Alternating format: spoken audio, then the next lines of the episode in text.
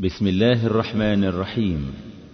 والآن مع الشريط الثالث من هذا الإصدار الإمام البخاري رحمه الله.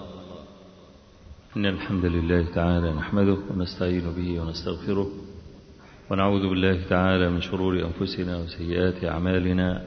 من يهد الله تعالى فلا مضل له ومن يضلل فلا هادي له وأشهد أن لا إله إلا الله وحده لا شريك له وأشهد أن محمدا عبده ورسوله. أما بعد فإن أصدق الحديث كتاب الله تعالى وأحسن الهدي هدي محمد صلى الله عليه وآله وسلم وشر الأمور محدثاتها وكل محدثة بدعة وكل بدعة ضلالة وكل ضلالة في النار. اللهم صل على محمد وعلى آل محمد كما صليت على إبراهيم وعلى آل إبراهيم في العالمين إنك حميد مجيد وبارك على محمد وعلى آل محمد كما باركت على إبراهيم وعلى آل إبراهيم في العالمين إنك حميد مجيد. تكلمنا في المجلس الماضي عن الرحلة في طلب العلم وذكرنا أيضا أول من رحل في طلب العلم وأنه موسى عليه السلام وألممنا بشيء من رحلة الصحابة كأبي ذر رضي الله عنه وجابر بن عبد الله رضي الله عنهما وعقبة بن الحارث رضي الله عنه. ورأينا الجانب المأساوي في الرحلة أن المرء قد يتعرض لفقد حياته كلها كما حدث لأبي ذر رضي الله عنه وأنه كاد يموت تحت أيدي المشركين لما جهر بكلمة التوحيد في المسجد الحرام. وأيضا يتعرض المرء للذل بفقد النفقة وتعرضه للحاجة. كل هذا ليس لتحصيل عرض دنيوي إنما هو لجمع سنة النبي صلى الله عليه وآله وسلم. ولو أن هذا الجيل فرط في جمع حديث النبي عليه الصلاة والسلام لضاعت علينا كثير من الأحكام الشرعية. بل كان الواحد منهم إذا ارتاب في حرف رحل لأجله كما ذكر الخطيب البغدادي في كتاب الكفاية في علوم الرواية عن مؤمل ابن إسماعيل وهو أحد شيوخ البخاري. أنه سمع شيخا يحدث بأحاديث فضائل القرآن الكريم التي تروى عن أبي بن كعب رضي الله عنه. وتجد أغلب هذه الأحاديث في تفاسير من لا يعنون بالحديث كالنسفي وكأبي السعود وكالخازن والزمخشري والفخر الرازي كل هؤلاء فقراء جدا في علم الحديث. وأفقرهم على الإطلاق الزمخشري والفخر الرازي. وإن كان يعني الآخرون ليسوا بأغنى منهم بل فقراء. تجد بعد كل سورة يأتيك بحديث في فضيلة هذه السورة. وهذا كله مكذوب على النبي صلى الله عليه وسلم. وضعه نوح الجامع نوح بن أبي مريم وشيخ آخر الذي نروي نحن قصته الآن. مؤمل بن إسماعيل لما وجد يعني هذه الأحاديث كثيرة وعقب كل سورة حديث في فضل هذه السورة فسأل الشيخ قال من حدثك قال حدثنا رجل بالكوفة. فرحل وهو حي فرحل إلى الكوفة. فقال حدثني رجل بواسط فرحل إلى واسط. قال وهذا الشيخ حي. فلما ذهب إليه قال حدثني رجل بعبدان وهو حي فرحل إلى عبدان. فقلت له من حدثك؟ فأخذ بيدي فدخل بي بيتا وفيه رجل شيخ متصوف ومعه جماعة من المتصوف. قال هذا الرجل حدثني. فقلت له من حدثك؟ قال ما حدثني أحد. لكن لما رأينا الناس انشغلوا عن القرآن وضعت هذه حسبة لله. يعني بيكذب على النبي عليه الصلاة والسلام وإيه؟ لوجه الله يعني. ها؟ يعني رجل جاهل لا يعلم أن الكذب على النبي صلى الله عليه وسلم من أكبر الكبائر.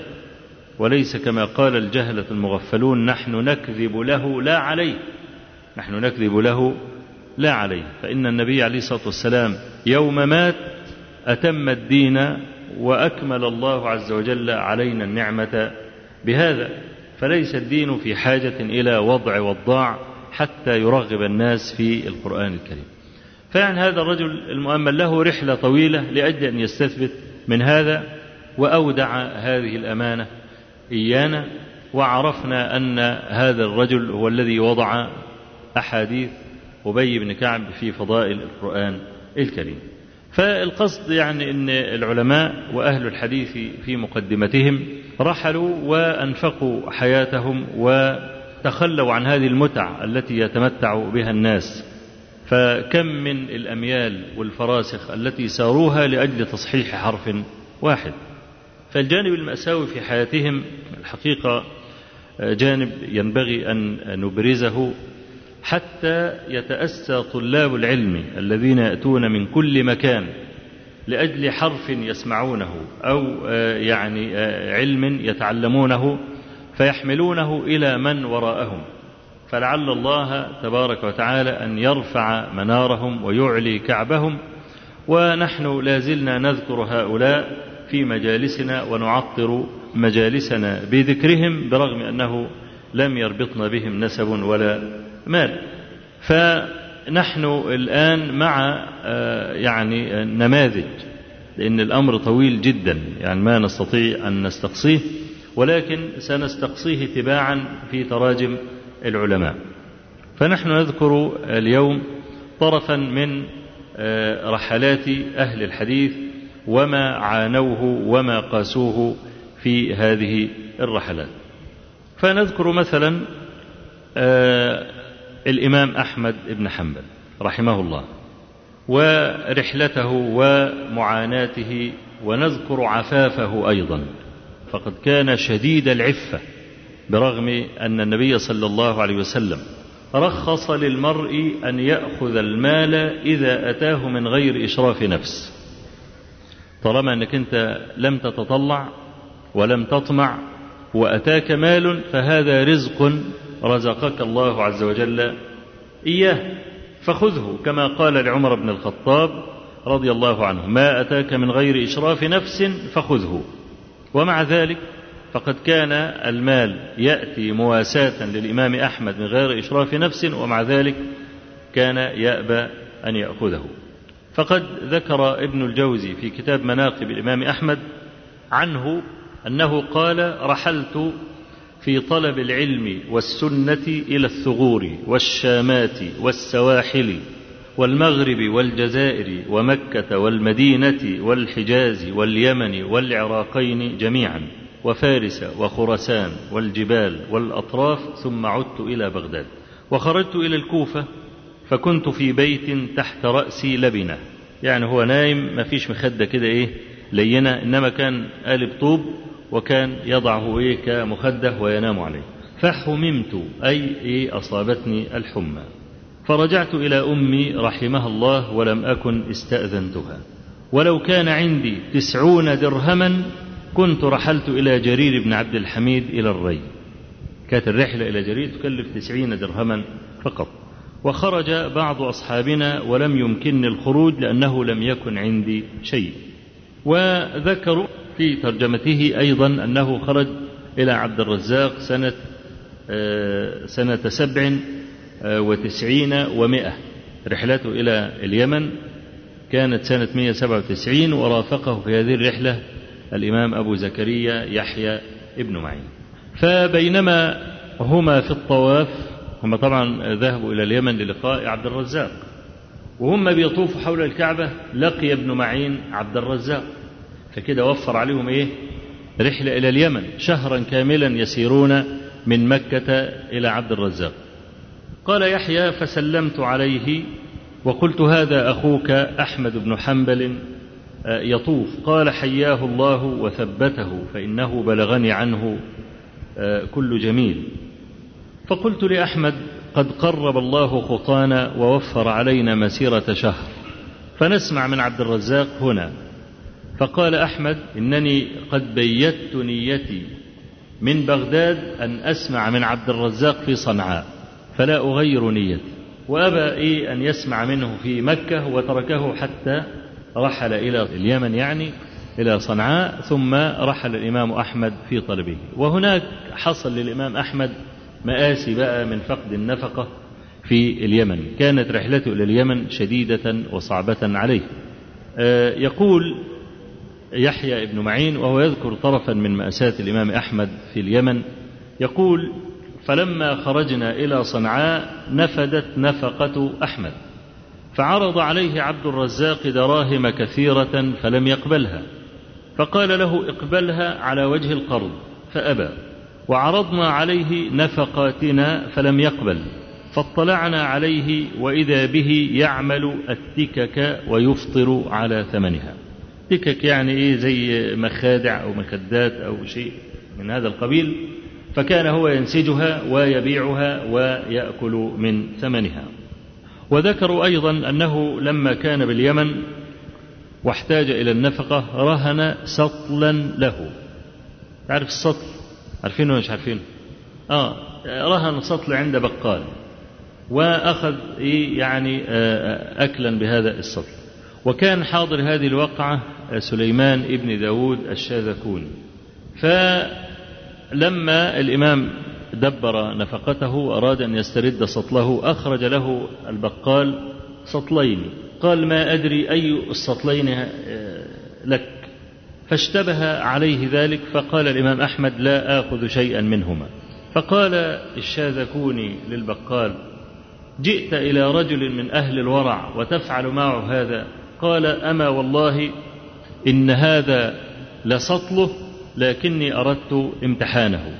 وطبعا كانت نتيجة الامتحان أن الإمام أحمد ترك السطل للبقال. وذكروا أيضا أن أحمد بن حنبل ذكر عند عبد الرزاق فدمعت عيناه وقال قدم علينا فظل ها هنا سنتين في اليمن. وبلغني أن نفقته نفدت فأخذت بيده فأقمته خلف هذا الباب. وأشار إلى باب البيت. وما معي ولا معه أحد. فقلت إنه لا يجتمع عندنا الدنانير. وإذا بعنا الغلة شغلناها في شيء. وقد وجدت عند النساء عشرة دنانير فخذها. فأرجو أن تنفقها حتى يتهيأ لك نفقة. فقال لي أحمد يا أبا بكر لو قبلت شيئا من الناس لقبلت منك. وأبى أن يأخذ شيئا من عبد الرزاق. وذكر ابن الجوزي عن إسحاق ابن راهوي قال لما رحل أحمد إلى اليمن وانقطعت النفقة فأكرى نفسه عند بعض الجمالين إلى أن وافى صنعاء. وقد كان أصحابه يعرضون عليه النفقة فيأبى. يأجر نفسه عند جمل يمسك بلجام الجمل أو يحمل أو يحمل على ظهره المتاع حتى يعني يقيم نفسه في هذه الرحلة وأبى أن يأخذ شيئا من رفقائه. وقال أحمد ابن سنان الواسطي بلغني أن أحمد رهن نعله عند خباز على طعام أخذه منه عند خروجه إلى اليمن. وذكر ابن كثير في البداية والنهاية أن الإمام أحمد رحمه الله سرقت ثيابه في اليمن وجلس في بيته لأنه ليس عنده ثياب ففقدوه أياما فذهبوا إليه فرد عليهم من خلف الباب وأبلغهم أن ثيابه سرقت. فيعني قالوا نجمع لك شيئا وتشتري به ثيابا فأبى وقال بل أكتب لكم. وأجر نفسه كناسخ لهم أن ينسخ لهم بعض الأجزاء الحديثية أو بعض ما كتبوا. وبأجرة هذا النسخ اشترى الإمام رحمه الله ثيابا ولبسها. كل هذا حدث للإمام أحمد في رحلة واحدة كانت قرابة سنتين ومع ذلك فقد تعفف عن أخذ هذه النفقة. وبهذه الحكاية وغيرها مما سنذكر بعضه تعرف لماذا يفتقر أهل العلم. يفتقر أهل العلم كما ألمحنا قبل ذلك في المجلس الأول من ترجمة البخاري رحمه الله إلا أن استخدامهم لقانون العلم هو الذي حجزهم عن مد أيديهم وأنهم ليسوا كالناس. ومن الدليل على القضاء وحكمه بؤس اللبيب وطيب عيش الأحمق.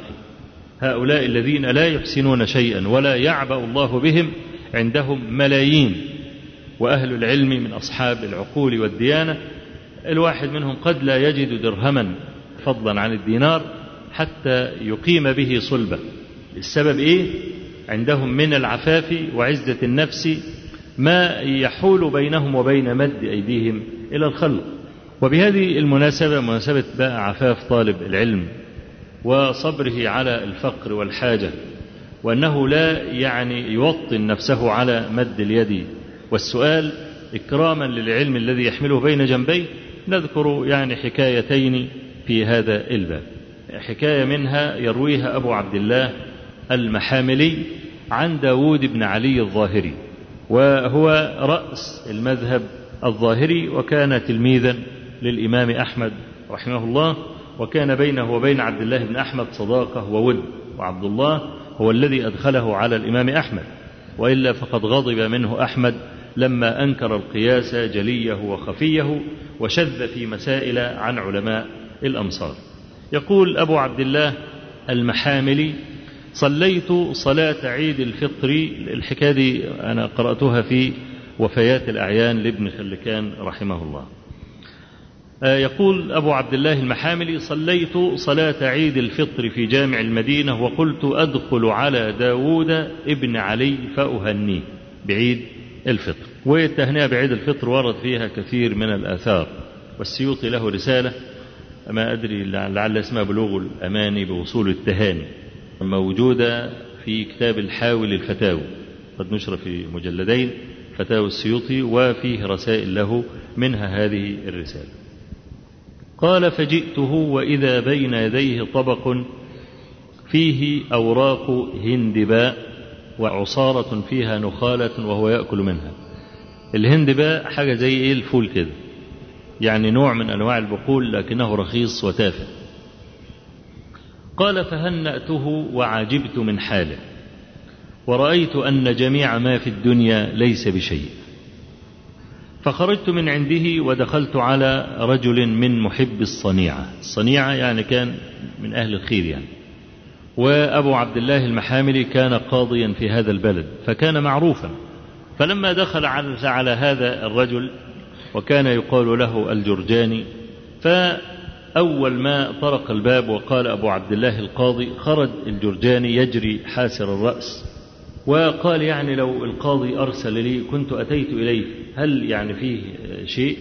قال له في جوارك داود بن علي ومكانه من العلم ما تعلمه وأنت كثير الصلة والرغبة في الخير فكيف غفلت عنه؟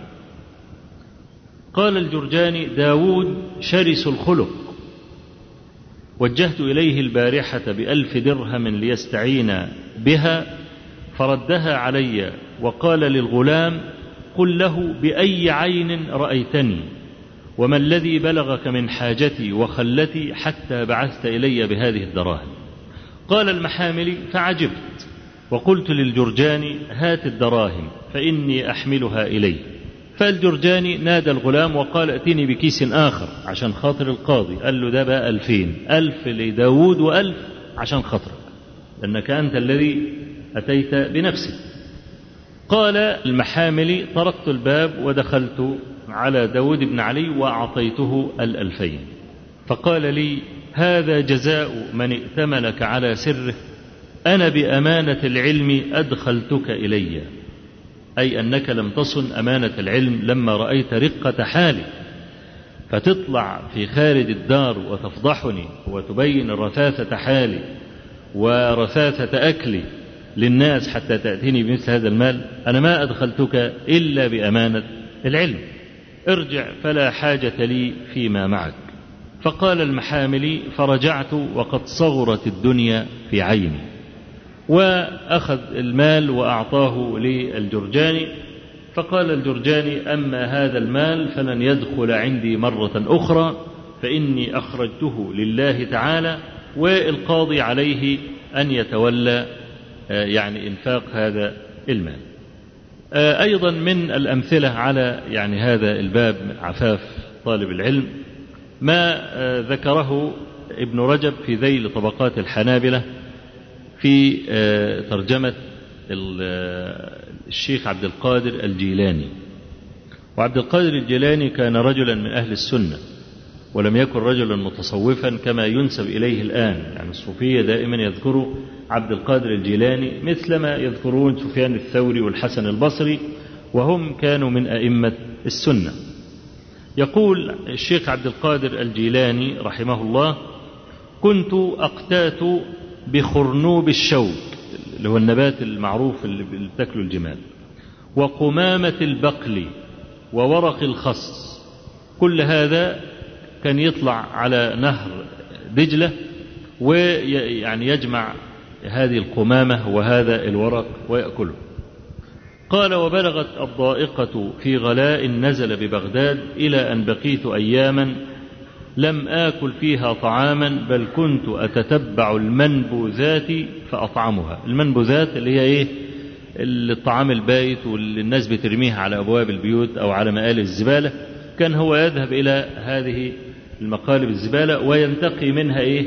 الشيء اللي نفسه تسمح له بأن يأكله.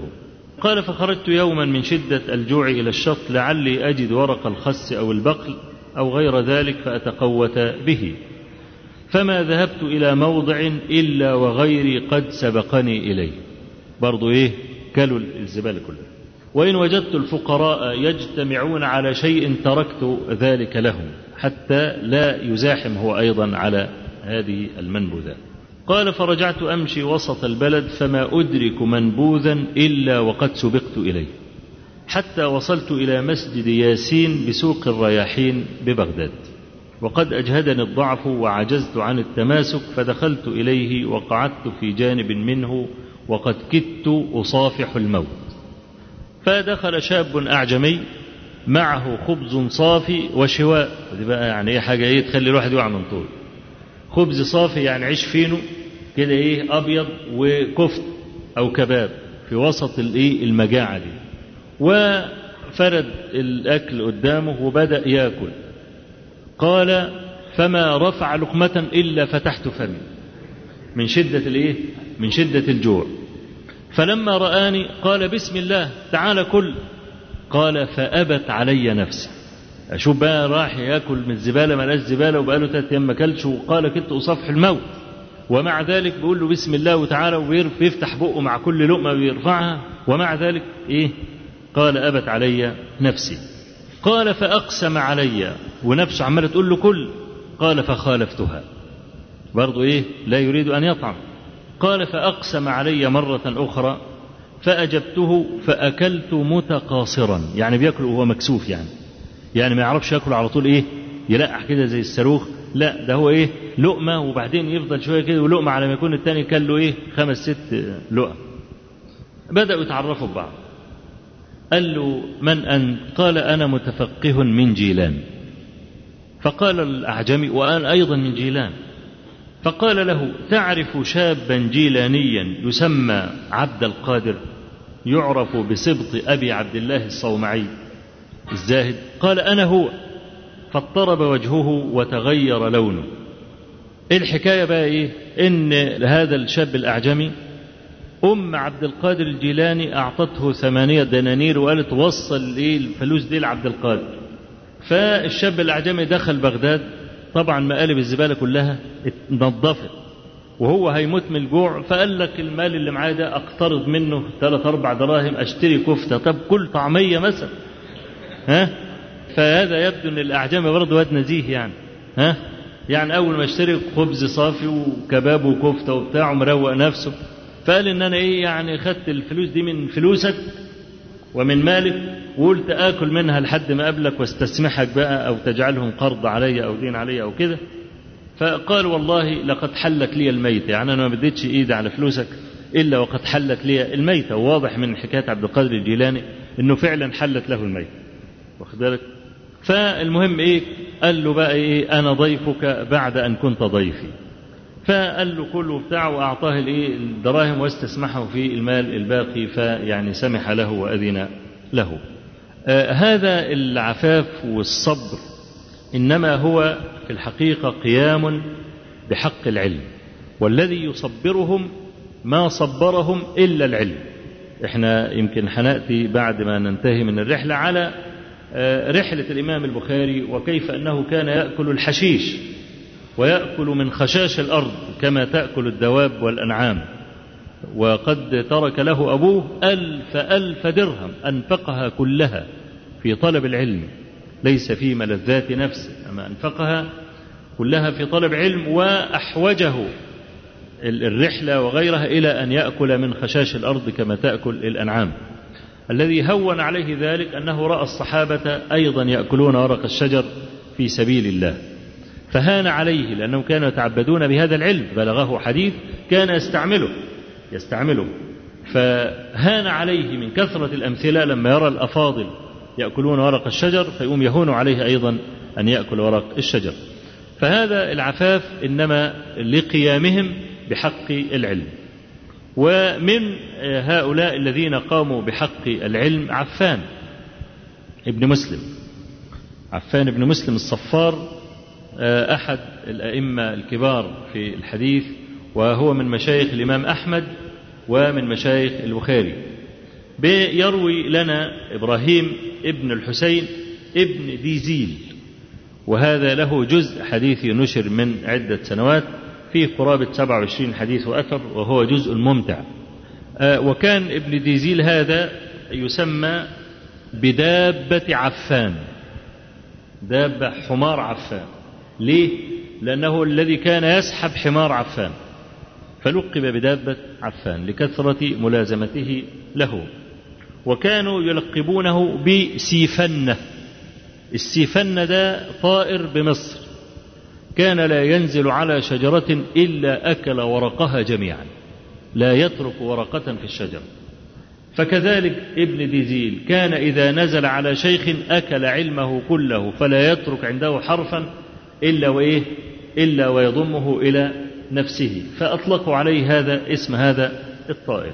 ابن ديزيل هذا من طبقة الإمام البخاري ومسلم من طبقة الأئمة الستة وأدرك كثيرا من مشايخ البخاري ممن لم يدركهم مسلم. منهم عفان بن مسلم صاحب الترجمة. فإن مسلما لا يروي عن عفان بن مسلم أنه ما أدركه إنما يروي عنه بواسطة. يقول ابن ديزيل لما دعي عفان إلى الفتنة وكان أول واحد امتحن لنباهته ولأنه كان شيخ البلد آنذاك. وأرسل المعتصم المأمون أو المعتصم أرسل أمير البلد إلى عفان بن مسلم. قال له لا تمتحن إلا عفان. فذهب إليه وقال له ما تقول في القرآن؟ قال كلام الله غير مخلوق. قال له بس أنت عارف إن أنت لما تجاوب الإجابة ديت والسلطان يرى غير ذلك هنقطع عيشك سنقطع رزقك. فقال عفان وفي السماء رزقكم وما توعدون. وانصرف وقطعوا عنه النفقة وكان عفان بن مسلم صاحب عيال. كان له أكثر من امرأة وكان يعول أربعين إنسانا. فنساء بقى لما سمعوا المحاورة بينه وبين الوالي فدخلوا عليه يلومونه كيف أنه لم يجب. وفي نفس الليلة طرق عليه الباب طارق في نحو من نصف الليل قال أنت عفان؟ قال نعم. قال هذه صرة بألف درهم ولك في كل شهر مثلها. فصدق فيه قوله تبارك وتعالى ومن يتق الله يجعل له مخرجا ويرزقه من حيث لا يحتسب فقياما بحق العلم لا يستطيع أن يبدل الفتوى ولا الكلام حتى وإن قطعوا عنه النفقة. وأيضا مثال آخر لرجل لغوي وهو أبو عثمان المازني بكر ابن عثمان. وكان من أعلم خلق الله بالنحو بعد سيبويه. يحكي ابن خلكان في كتاب وفيات الأعيان يقول كان المازني في غاية الورع وقصده يهودي ليقرأ عليه كتاب سيبويه وبذل له مئة دينار في تدريسه إياه فامتنع. مئة دينار يعني إيه؟ ألف درهم. نظير أنه يقرأ عليه كتاب سيبويه. وكان المازني في غاية الفقر. فقال له أبو العباس المبرد الإمام صاحب كتاب الكامل. فقال له جعلت فداك أترد هذه المنفعة مع فاقتك وشدة إضاقتك؟ فقال له إن كتاب سيبويه يشتمل على ثلاثمائة وكذا وكذا آية من كتاب الله عز وجل. ولست أرى أن أمكن منها ذميا غيرة على كتاب الله وحمية له. قال المبرد فاتفق أن غنت جارية بحضرة الخليفة الواثق. الواثق اللي هو جاء بعد الإيه؟ جاء بعد المعتصم. والجارية كانت عمالة تغني وتنشد قول العرجي أظلوم إن مصابكم رجلا أهدى السلام تحية ظلم. يعني لما يكون رجل بيت في غزل يعني. يقول يعني بقى أنا بقول لكم سلام عليكم تضربوني بسهم. عايز يقول يعني إن ألحاظ الجارية والمرأة وهو أول ما ألقى السلام رمته بإيه؟ بسهم من طرف عيونها فأردته قتيلا. بقول يعني بقى كده جزاتي أبعت لكم السلام. تخبطوني عين. أدي معنى الايه أدي معنى البيت. أظلوم إن مصابكم رجلا أهدى السلام تحية. ظلم. فطبعا كان بيحضر في مجلس الخليفة ناس من اللغويين وأهل الأشعار والكلام ده فاختلفوا في ضبط كلمة رجلا. أهي رجلا أم رجل؟ فبعضهم قال رجلا على أساس أنها اسم إن واخد بالك؟ وبعضهم قال رجل على أساس أنه خبر إن. المغنية أصرت على رجلا على أساس أن شيخها أبا عثمان المازني لقنها البيت هكذا. أشوف المغنيات زمان. كان بياخذوا العلم على المازني ها؟ وقالت شيخ المازني نصبها وأنا حفضل أنصب طول عمري ها؟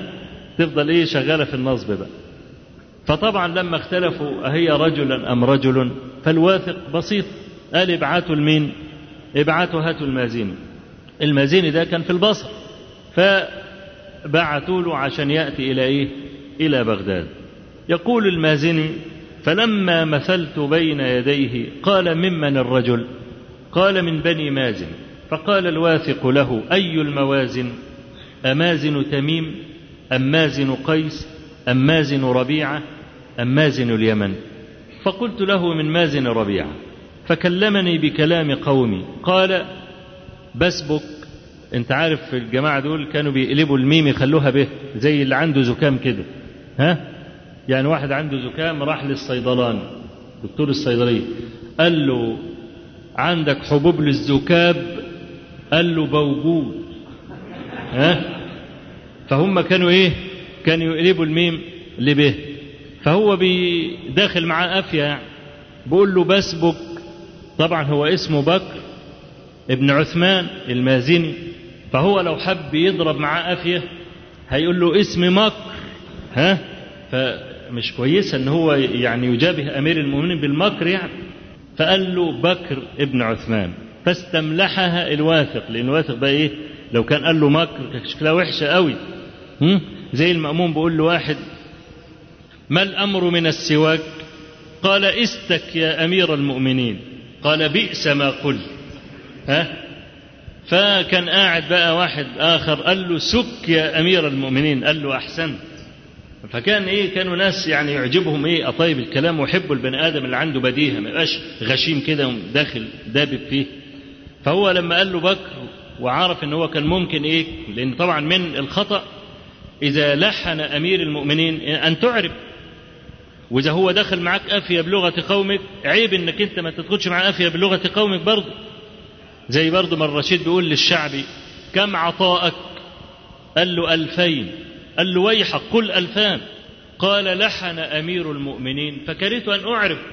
هو المفروض أمير المؤمنين يقول كم عطاؤك فيقوم يقول ألفان. فلما أمير المؤمنين قال له كم عطاءك وأم غلطان أم هو غلطان فتطلع الغلطة منه لطيف مش هو بقى يعمل أبو العريف فيها وأمير المؤمنين غلطان فكانوا بيستملحوا الإيه؟ يستملحوا مثل هذا الإيه؟ مثل هذا الفهم يعني. قال له بسبك قال له بكر ابن عثمان. فعلى طول انشرح الواثق واتبسط من يعني نباهة المازني. فالمهم قال له إيه؟ قال له ما تقول في قول الشاعر أظلوم إن مصابكم رجلا. أترفع رجلا أم تنصب؟ يعني أترفع رجلا دي طبعا رجلا على حكاية الحال. حكاية الحال أنه البيت في ورد فيه رجلا يعني. فقال الوجه النصب يا أمير المؤمنين. قال ولم ذاك؟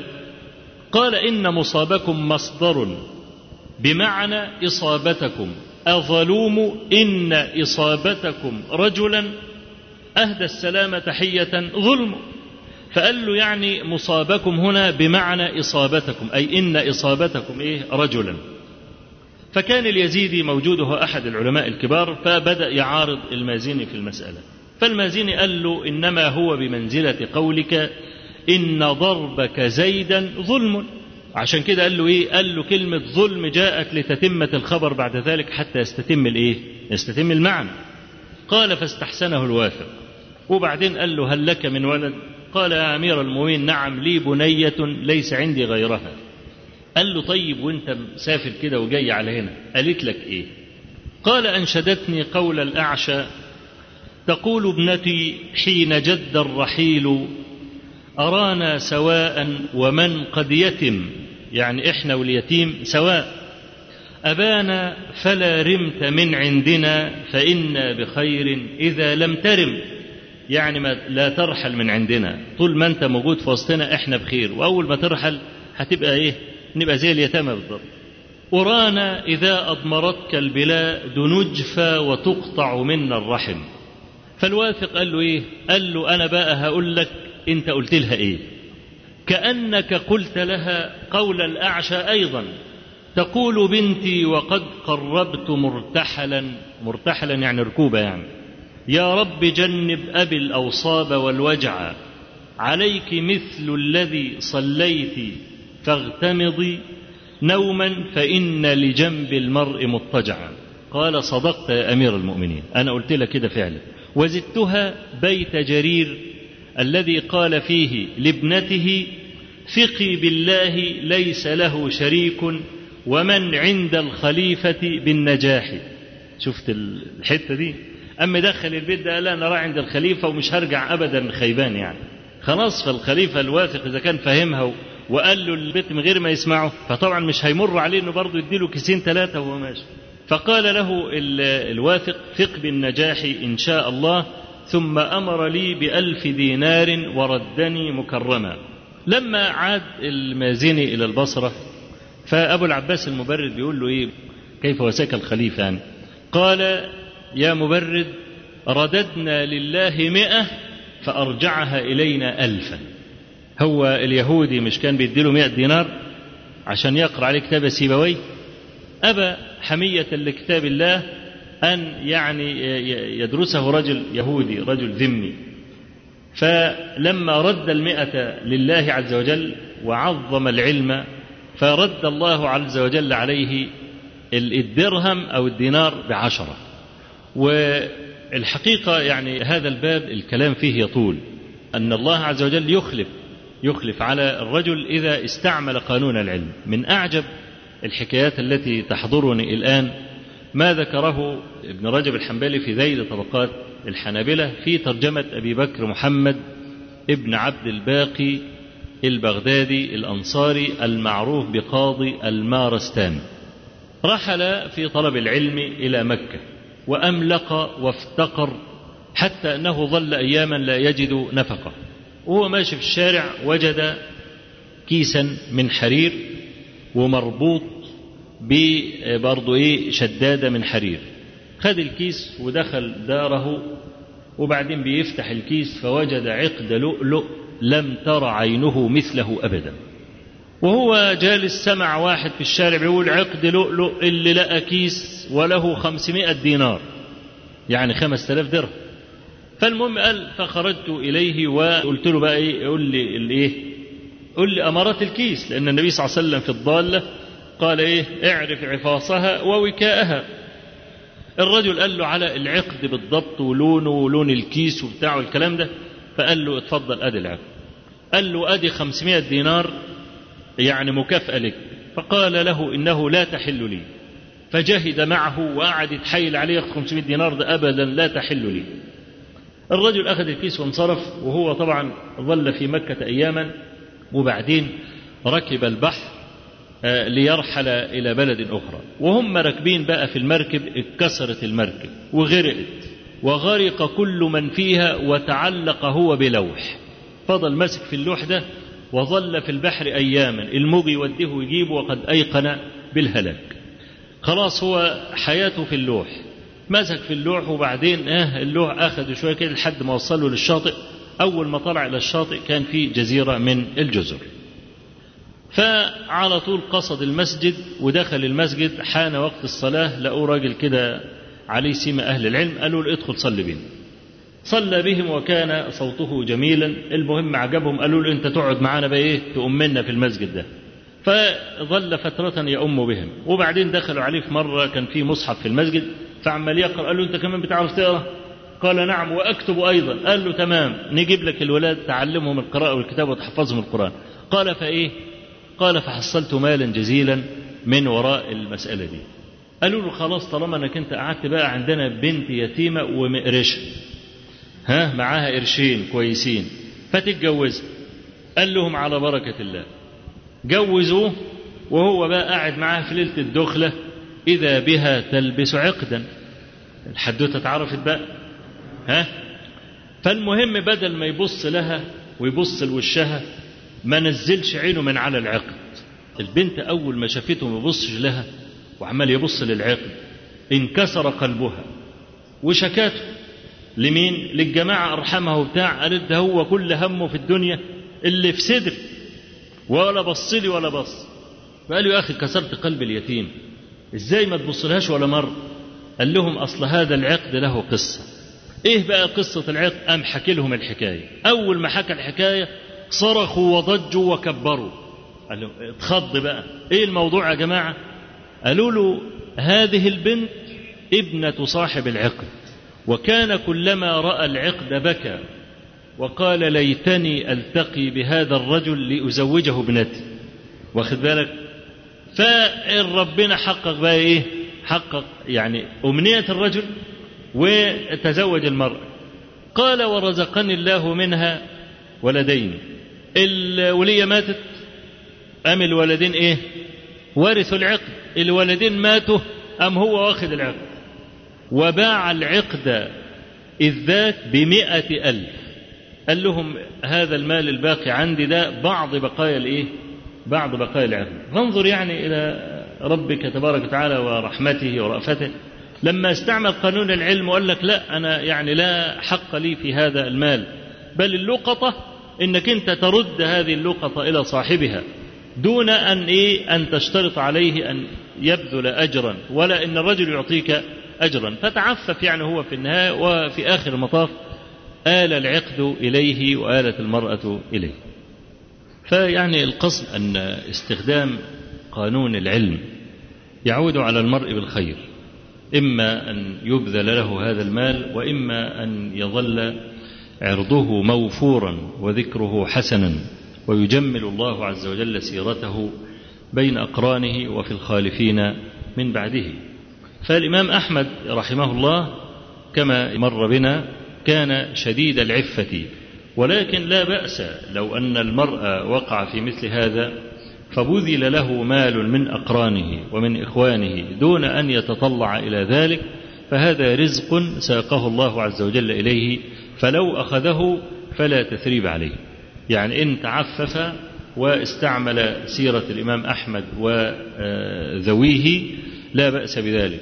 وإن قبل الصلة من إخوانه دون أن تشرف نفسه إلى ذلك فلا بأس أيضا بذلك. يعني لا يلام هذا ولا ذاك. وممن يعني رحل أيضا في طلب الحديث وكانت له يعني مفارقات في الرحلة شعبة ابن الحجاج رحمه الله وقد ذكر خبر رحلته في طلب حديث واحد وذكره أيضا غيره.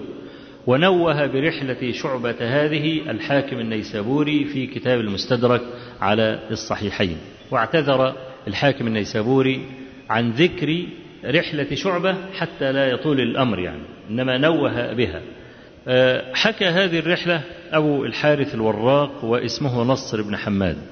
ونصر بن حماد متروك الحديث ولكن وردت الإشارة إلى هذه القصة من غير طريقه عن طريق أبي داود الطيالسي عن شعبة وقد ذكر هذه الإشارة المزي في كتاب تحفة الأشراف بمعرفة الأطراف. يقول أبو الحارث الوراق كنا على باب شعبة نتذاكر السنة فقلت حدثنا إسرائيل ابن يونس عن أبي إسحاق السبيعي عن عبد الله بن عطاء عن عقبة بن عامر الجهني أن رسول الله صلى الله عليه وآله وسلم قال من توضأ فقال أشهد أن لا إله إلا الله وأن محمد رسول الله فتحت له أبواب الجنة الثمانية. وهو بيقول الحديث شعبة كان خارج من الدار أول ما سمعوا بيروي هذا الحديث فلطمه ودخل الدار. وكان معه عبد الله بن إدريس. المهم جلس شعبة قدر ما جلس في الدار وهو خارج إذا به يجد أبا الحارث الوراق يبكي. فقال له أنت بعد تبكي؟ فقال عبد الله بن إدريس إنك لطمت الرجل. قال إنه مجنون إنه لا يدري ما يحدث. إني سألت أبا إسحاق عن هذا الحديث. فقلت له سمعت هذا من عبد الله بن عطاء؟ فغضب ولم يجب. وطبعا هذا يدل على أنه دلسه لأن أبا إسحاق السبيعي كان ممن يدلس تدليس الإسناد. فقال مسعر ابن كدام يا شعبة إن عبد الله بن عطاء حي بمكة. لو أنت يعني عايز تستثبت ده كلها إيه؟ شبر وتوصل لإيه لمكة. طبعا شعبة بصري شعبة في البصرة وعبد الله بن عطاء في مكة. ما بين البصرة ومكة مفاوز تنقطع فيها أعناق المطية قال شعبة فخرجت من سنتي إلى الحج ما أريد إلا الحديث. فلما دخل على عبد الله بن عطاء فإذا فتى شاب قال له حديث الوضوء. قال عقبة بن عامر؟ قال نعم. قال سمعته من عقبة بن عامر؟ قال لا. إنما حدثنيه سعد ابن إبراهيم. سعد بن إبراهيم ده إيه؟ مدني. ف وهو في الحج ذهب إلى مالك. ابن أنس الإمام مالك وسأله عن سعد بن إبراهيم قال ما حج العام؟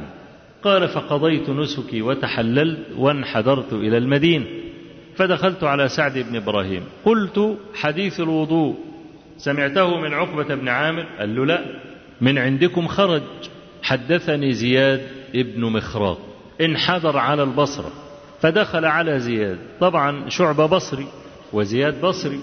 وشعبة أول من فتش عن الرجال بالبصرة. فمعروف مذهبه في الرجال وأنه لا يقبل إلا الحديث المذهب والإسناد الصحيح. قال فقدمت على زياد وأنا شحب اللون وسخ الثياب كثير الشعر. فقلت له حديث الوضوء. سمعته من عقبة بن عامر. قال ليس من حاجتك. يعني مش ده اللي انت هتعوزه. أول ما هتسمع الإسناد هترميه في الأرض. قال له فما بد. قال ليس من حاجتك. قال فما بد. قال لا أحدثك حتى تذهب إلى الحمام فتغتسل وتغسل ثيابك ثم تأتيني فذهب إلى الحمام واغتسل وغسل ثيابه ثم جاء. فقال له من حدثك؟ قال حدثني شهر بن حوشب قال له عن من؟ قال له عن أبي ريحانة عن عقبة بن عامر. شوف سقط كم واحد بقى؟ سقط سعد بن إبراهيم وسقط زياد بن مخراق وسقط شهر بن حوشب وسقط أبو ريحانة يعني بين عبد الله بن عطاء وبين عقبة بن عامر أربعة. كلهم سقطوا بفعل الإيه؟ فعل التدليس. فقال شعبة حديث مرة مكي ومرة مدني ومرة كوفي ومرة بصري دمر عليه لا أصل له. حديث صعد ثم نزل. والله لو صح هذا الحديث لكان أحب إلي من آلي ومال. طبعا إحنا بنحكي القصة ببساطة. لكن انت بقى لما تشوف المسافة بقى ما بين البصرة ومكة والمدينة ويرجع البصرة ويروح الكوفة والكلام ده تعرف الشقاء الذي شقيه شعبة بن الحجاج لأجل أن يستثبت من حديث واحد. يقول لو صح هذا الحديث لكان أحب إلي من آلي ومالي. والحمد لله رب العالمين أن هذا الحديث قد صح.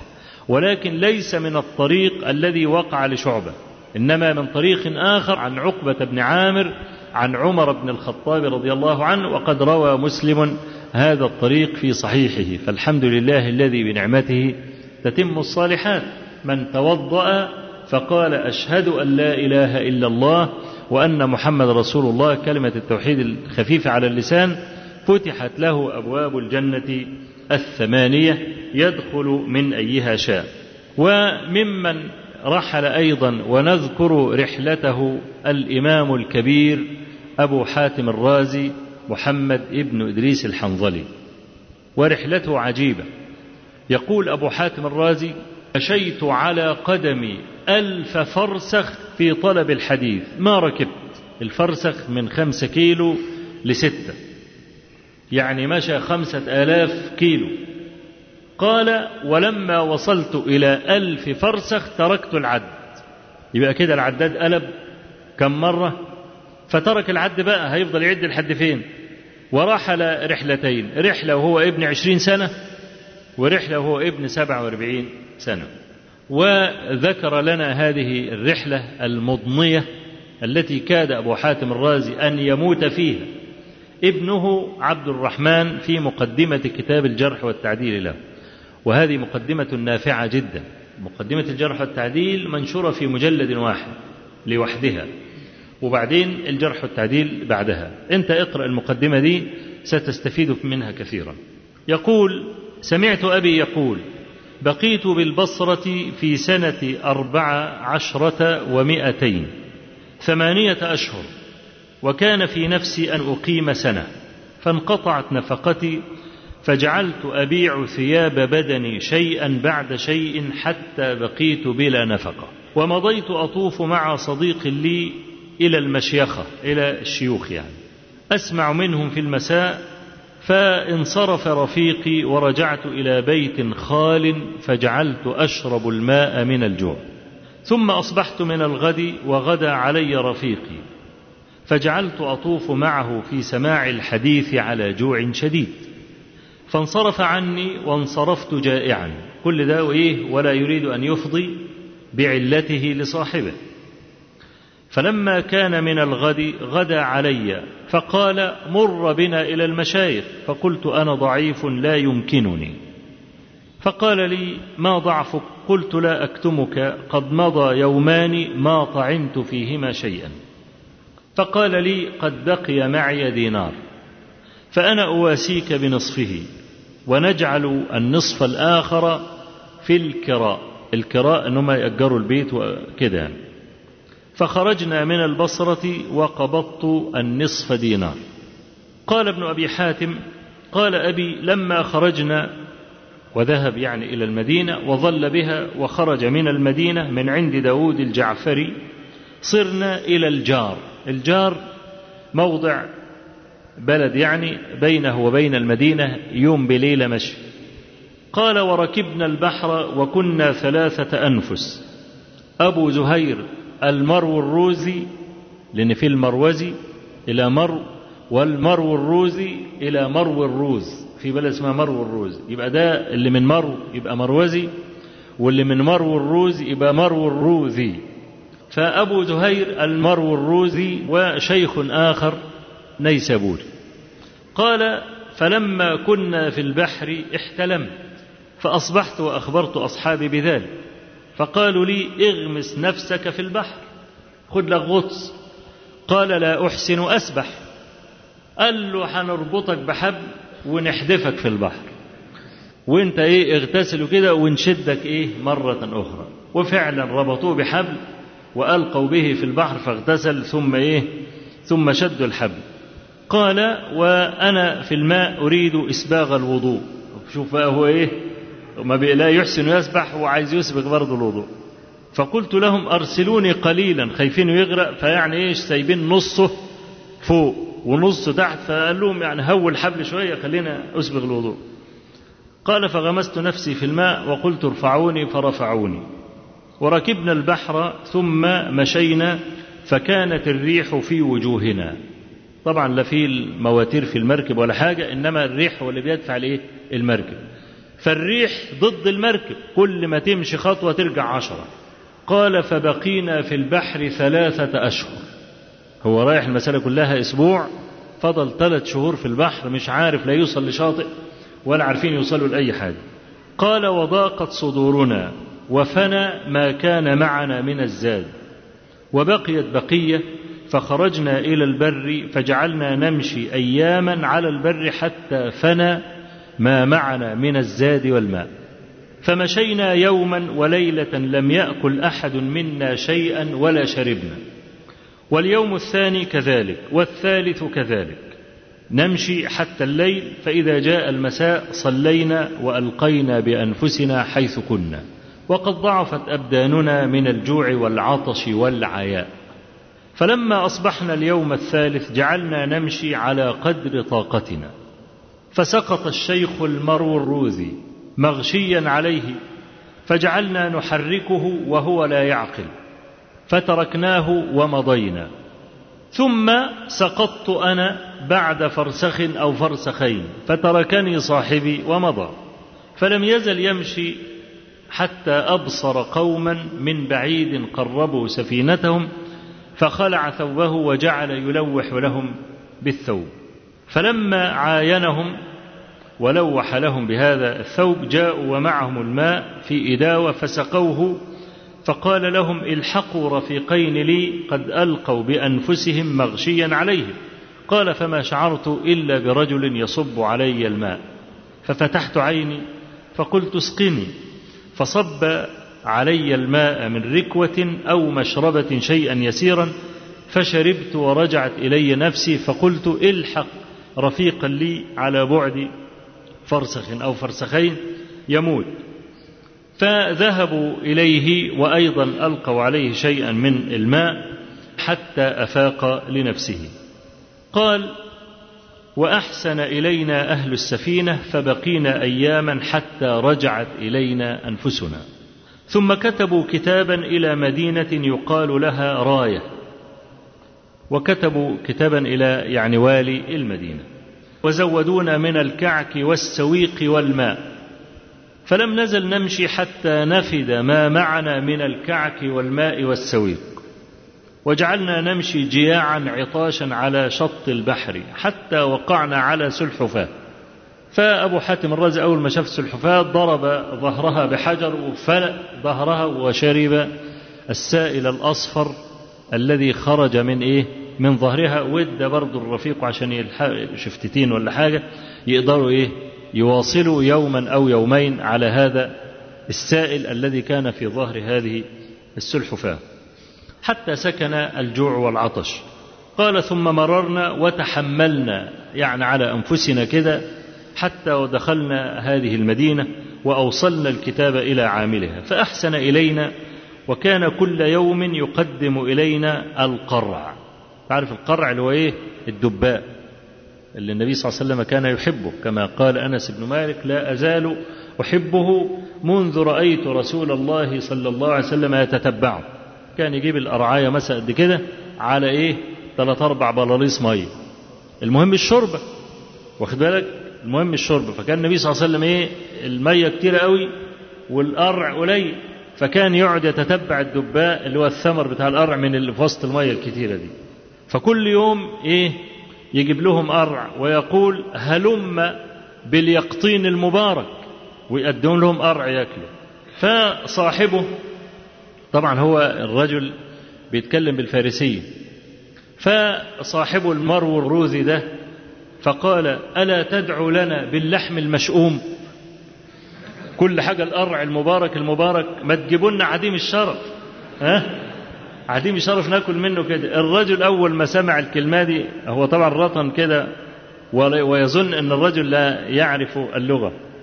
فلما سمع ألا تدعو لنا باللحم المشؤوم؟ قال فسمع صاحب الدار فتبسم ومن يومها وهو بيجيب لنا اللحم الإيه؟ اللحم المشؤوم. هذه مثلا رحلة من رحلات أبي حاتم الرازي. طبعا أبو حاتم الرازي ده رحلاته واسعة جدا. كاد أن يموت فيها. أكثر من مرة يموت فيها. كل هذا ليجمع حديث الرسول صلى الله عليه وآله وسلم. ويعني أخيرا نذكر رحلة أيضا عجيبة من العجائب وهي رحلة الإمام الكبير الذي أدخل الحديث في الأندلس وقال زرعت لهم زرعا لا يخرج إلا بخروج الدجال. ألا وهو الإمام بقي بن مخلد. اللي هو راوي مصنف ابن أبي شيبة وهو الذي أدخل مصنف ابن أبي شيبة إلى الأندلس اللي هي إلى إسبانيا جنوب إسبانيا. وبقي بن مخلد ده الرحلة بتاعته استمرت 34 سنة. أنا بقول الكلام ده للجماعة اللي إيه اللي هم الكسالى. 34 سنة. 34 سنة ما ركب دابة قط. ما على دابة أبدا في خلال ال 34 سنة. عزم على الرحلة فخرج من إفريقية إسبانيا إلى بغداد ماشيا تعرف بقى لما إسبانيا ويعبر البحر وبعدين يوصل للمغرب والجزائر وتونس وليبيا ومصر ويفضل معدي كده لحد ما يوصل بغداد. كل ده يمشي على رجله. وخرج من إفريقية وهو يريد أن يصل إلى الإمام أحمد بن حنبل رحمه الله في بغداد. يقول كانت بغيتي لقاء أحمد فلما وصلت إلى بغداد اتصل بي خبر المحنة محنة الإمام أحمد ومنع الإمام أحمد من إقامة دروس العلم. الخليفة منعه إن هو إيه؟ إن هو يحاضر أو يدرس أو يملي. قال فاغتممت لذلك غما شديدا فاحتللت الموضع فلم أعرج على شيء بعد إنزال متاعي في بيت اكتريته في بعض الفنادق.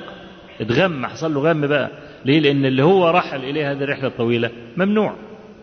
قال أتيت المسجد الجامع الكبير وأنا أريد أن أجلس إلى الحلق وأسمع ما يتذاكرونه فدفعت إلى حلقة نبيلة.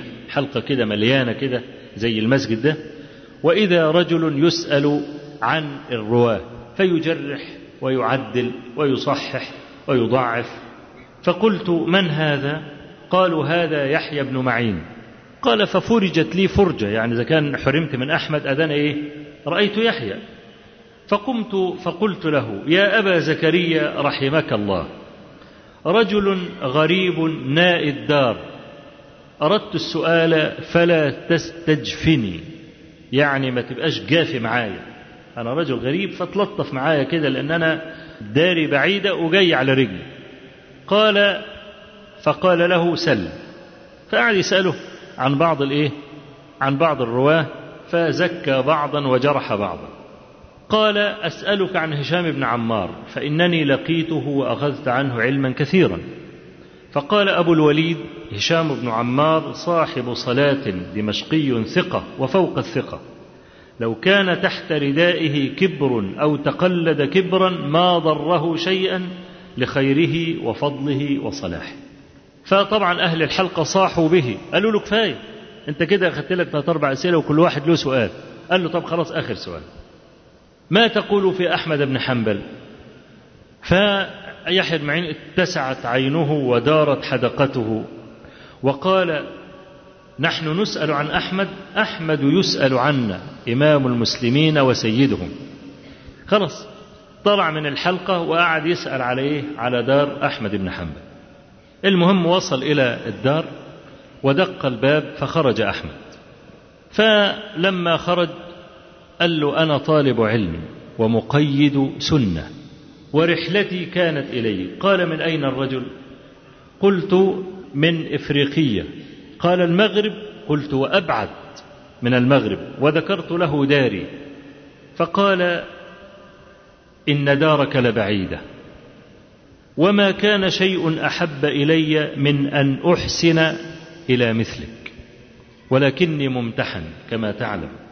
وممنوع من التحديث. فقال له بقي بن مخلد أنا رجل مجهول العين في بلدكم يعني ما فيش حد يعرفني تماما.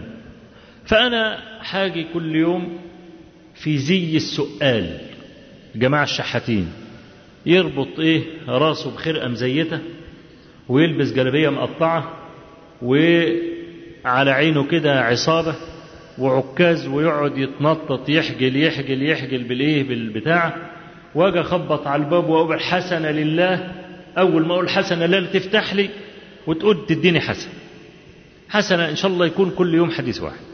قال له لا بأس بذلك ولكن لا تعلم أحدا أو لا يلاحظ أحد ذلك. قال لك ذلك. فكان كل يوم يجي بقي بن مخلد لابس بقى الهدوم المقطعة والعمة المزيتة وبتاع ويجي حسن لله وخبط على الباب يفتح له الإمام أحمد وياخذ وراء الباب يحدثه بالحديثين والثلاثة أحاديث. قال حتى جمعت أو أخذت يعني من الإمام أحمد ثلاثمائة حديث. قال فالتزمت ذلك حتى مات الممتحن. مين بقى الممتحن للإمام أحمد؟ كان المعتصم. وجاء بعده المتوكل. وبعدين الواثق. في حياة المتوكل انفرجت بقى المسألة وأعلى المتوكل منار السنة وظهر نجم الإمام أحمد. كان الإمام أحمد صحيح مشهور في بغداد وكان كده لكن بعد المحنة صار إماما للسنة يعني كان إمام للحديث بس بعد المحنة صار إماما للسنة بقى هو إمام الحديث والسنة. لأن الرجل يمكن أن يكون إماما في السنة وليس إماما في الحديث وممكن يكون إمام في الحديث وليس إماما في السنة لكن أحمد رحمه الله كان إماما في الحديث والسنة جميعا. المهم لما ظهر الإمام أحمد في حياة المتوكل وصارت تضرب إليه آباط الإبل فكان يعرف حق صبري في طلب العلم. فكان بقى يحدث بقى إخوانه بقصة بقي بن مخلد. وكان بقي بن مخلد إذا جاء الحلقة يفسح له الإمام أحمد بن حنبل إذا أراد أن يأتي بجانبه. ففي يوم من الأيام هو كان ساكن في فندق. ففي يوم من الأيام اعتل علة فسأل عنه أحمد فقالوا له ده مريض. فقال يلا نزوره. طبعا أحمد كان إمام الدنيا في بغداد آنذاك. فأول ما وصل إلى الفندق إذا بالناس يصرخون إمام المسلمين إمام المسلمين. واخد بالك؟ صاحب الفندق أول ما عرف الإمام أحمد جاي طلع يجري عشان يستقبل الإمام أحمد. قال له إيه خير؟ أنت جاي ليه؟ قال له جاي بس أزور واحد عندكم. قال له مين؟ قال له بقي بن مخلد قال له تتعرفه؟ قال له نعم أعرفه. من يومها بقي بن مخلد صار مخدوما ما عادش بقى لا بيوكل نفسه ولا بينفض مرتبته ولا بينظف أوضته ولا الكلام ده إنما صار أهل الفندق يخدمونه جميعا حسبة لله بإيه؟ بسبب الصلة التي بينه وبين الإمام أحمد رحمه الله. ورجع بقي المخلد إلى الأندلس بعد 34 سنة قضاها في طلب العلم.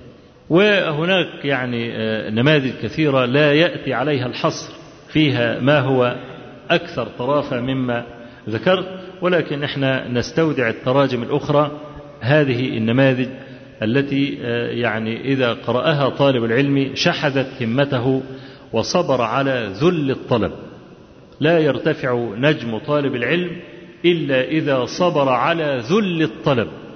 قال مجاهد ابن جبر رحمه الله وقد صح ذلك عنه لا يتعلم اثنان مستحي ومتكبر وطلب العلم لا يأتي إلا بذل النفس. فنسأل الله تبارك وتعالى أن يجعلنا وإياكم من طلاب العلم وأن ينفعنا بهذا العلم. أقول قولي هذا وأستغفر الله العظيم لي ولكم وصلى الله وسلم وبارك على نبينا محمد والحمد لله رب العالمين. أخي الكريم تتمة هذه المادة على الشريط التالي.